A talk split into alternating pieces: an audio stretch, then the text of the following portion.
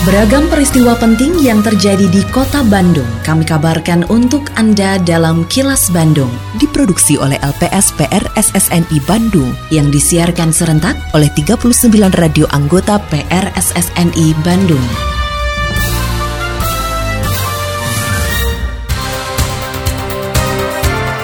Sejumlah informasi aktual kami hadirkan untuk Anda dan inilah informasi utamanya. Masyarakat diminta waspadai potensi puting beliung hingga Maret. Sertifikasi kompetensi agar mampu bersaing di dunia kerja. Lahir bayi tapir, koleksi satwa kebun binatang Bandung bertambah. Saya Santika Sari Sumantri, inilah kilas Bandung selengkapnya. Badan Meteorologi, Klimatologi, dan Geofisika atau BMKG Bandung meminta masyarakat mewaspadai potensi cuaca ekstrim berupa hujan sedang hingga lebat yang dapat berpotensi angin puting beliung hingga awal Maret 2024 mendatang. Kepala Stasiun Geofisika BMKG Bandung, Teguh Rahayu, mengatakan hujan lebat yang disertai angin puting beliung diperkirakan masih berpotensi terjadi sepanjang puncak musim hujan sampai dengan awal Maret. Menurutnya terjadinya angin puting beliung merupakan dampak ikutan dari hujan lebat yang disebabkan pertumbuhan awan dan cuaca ekstrim. Selain potensi angin puting beliung, masyarakat juga diminta mewaspadai bencana hidrometeorologi berupa banjir dan tanah longsor akibat hujan ringan hingga sedang, namun dengan durasi panjang. Rekomendasinya adalah yang pertama, waspada terhadap terjadinya potensi bencana hidrometeorologis seperti hujan lebat hingga sangat lebat pada durasi lebih dari satu jam, angin puting beliung, dan hujan es yang dapat mengakibatkan dampak seperti banjir, tanah longsor, pohon tumbang, serta dampak kerusakan lainnya. Yang kedua, waspada terhadap terjadinya cuaca ekstrim berupa hujan sedang hingga lebat yang disertai dengan kilat atau petir dan juga angin kencang.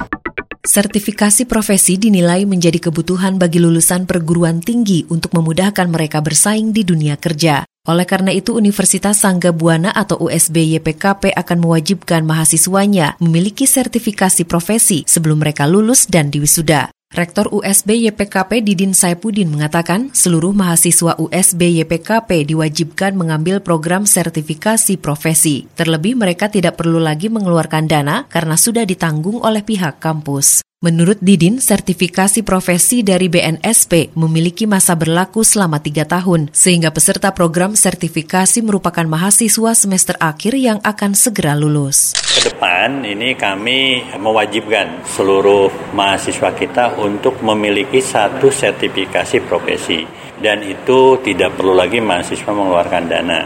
Jadi sudah kami tanggung dari besaran DPP yang mereka berikan. Yang tidak berbayar itu berlaku untuk mahasiswa angkatan kemarin. Nah, angkatan-angkatan yang sebelumnya masih bersifat voluntary ya. Bagi mereka merasa penting, mereka akan ikut untuk memberikan nilai tambah mereka dalam rangka melakukan kompetisi dengan alumni yang lain dari perguruan tinggi yang lain.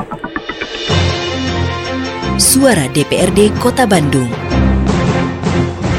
Wakil Ketua 2 DPRD Kota Bandung Ahmad Nugraha menyayangkan masih terjadinya kasus penahanan ijazah yang disebabkan tunggakan biaya sekolah para peserta didik. Padahal menurutnya untuk melanjutkan sekolah ke jenjang lebih tinggi atau mencari pekerjaan, mereka membutuhkan ijazah. Politisi PDIP ini menyatakan kasus penahanan ijazah sudah tidak relevan karena sudah ada alokasi anggaran untuk mengatasi kondisi tersebut. Namun diakuinya anggaran yang tersedia hanya untuk siswa didik tingkat SD dan SMP, sedangkan untuk tingkat SMA sederajat menjadi kewenangan pemerintah Provinsi Jawa Barat. Oleh karena itu, ia menilai seharusnya pemerintah pusat juga segera melakukan tindakan dan tidak mengkambing hitamkan pemerintah daerah, sehingga para peserta didik yang tertahan ijazahnya bisa segera menerima hak mereka. Jangan sampai lagi ada anak-anak yang berhenti sekolah karena persoalan biaya, baik SD, SMP, SMA, apalagi universitas, yang diharapkan mereka ada bantuan. Pemerintah Kota Bandung punya bantuan, ada itu. Tapi mekanismenya, mekanismenya yang ribet. Artinya, agar mekanisme ini tidak ribet harus ada koordinatif antara pusat dan daerah. Pusat juga harus memberikan sesuatu yang memudahkan bagi pemerintah daerah untuk menggelontorkan anggarannya yang tidak jadi masalah. Kan ini untuk untuk rakyat agar mereka tidak berhenti sekolah, agar mereka tidak berhenti kuliah. Karena kewenangan saja urusan SMA SMK ijazah itu anggarannya tidak bisa dikeluarkan dari pemerintah Kota Bandung. Pertanyaan saya, kenapa provinsi nggak mengeluarkan anggaran itu kalau begitu? Karena bagi kota Bandung, rakyat Bandung, saya sebagai rakyat kota Bandung, saya merasa tidak ada perhatian. Maka kami, kota Bandung, merasa perlu menganggarkan untuk masyarakat kota Bandung agar ijazahnya bisa keluar. Kini, audio podcast siaran Kilas Bandung dan berbagai informasi menarik lainnya bisa Anda akses di laman kilasbandungnews.com.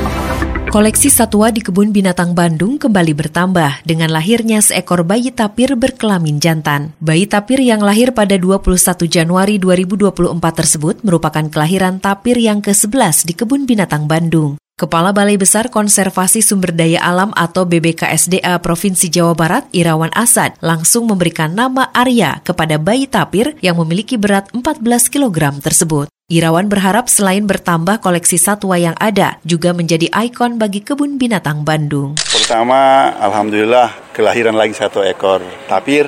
Kenapa kami namakan Arya? Pertama kan dia jantan. Dan saya juga terinspirasi karena dia jantan. Jadi yang kedua kan doa supaya dia bisa sehat dia, sehat dan tumbuh besar dan menjadi apa? Menjadi, tadi saya bilang jadi ikon di kebun binatang Bandung ini. Karena ini salah satu spesies yang dilindungi di Indonesia dan alhamdulillah kita punya banyak di sini. Berkembang biak dia dengan baik. Sekarang 13 ekor. Nah, 13 ekor ini kan suatu keberhasilan bagi kebun binatang yang bisa mengembang biakan di dalam kondisi yang terkontrol seperti ini. Kan kalau habitatnya tapir kan di, di Sumatera ya, kita ada di kebun binatang ini. Jadi teman-teman, anak-anak kita, adik-adik kita yang dari sekolah, yang hanya lihat tapir di TV atau di buku, nah kan dia bisa datang ke sini nih, lihat tapir itu seperti apa bentuknya. Terkait dengan berita sebelumnya,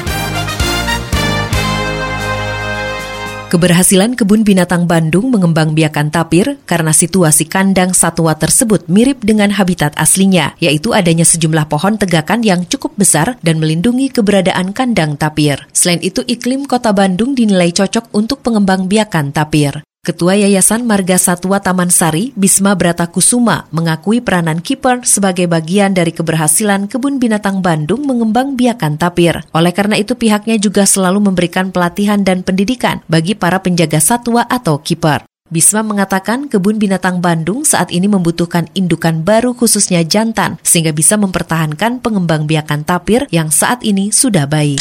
Pertama mungkin dari segi pengelolaan pemeliharaannya, kiper kita pun kita uh, latih sesuai dengan SOP mungkin ya, cara pemeliharaan tapir. Juga di sini dengan sarana prasarananya kita juga perhatikan mungkin karena iklim Bandung ini cocok adem gitu ya. Karena memang tapir ini nokturnal dan tapir ini nggak bisa kena sinar matahari secara langsung. Satwa ini ada agak rentan kalau terkena sinar matahari langsung dan kebetulan vegetasi di kebun binatang ini bagus. Jadi kita banyak pohon yang memang di eksibitnya pun pohon-pohonnya sudah mungkin lebih dari 50 tahun. Nah itu menunjang untuk tapir dari suhu. Iklim kita juga menunjang untuk berkembang biak. Masih terkait dengan berita sebelumnya Bayi tapir jantan yang kemudian diberi nama Arya lahir secara normal dari induk betina Tinuk dan induk jantan Marcel. Penjaga satwa atau kiper tapir di Kebun Binatang Bandung, Narman, menyebutkan tidak menemui kendala dalam melakukan perawatan bayi tapir Arya saat masih dalam kandungan hingga dilahirkan. Menurut Narman, kondisi alam di lingkungan kandang menjadi salah satu faktor pendukung berkembang biaknya tapir di kebun binatang Bandung dibanding di kebun binatang lain. Ini anak tapir yang kelahiran ke-11. Lahirnya tanggal 21 Januari 2024. Prosesnya itu normal, nggak nggak ada kendala apa-apa.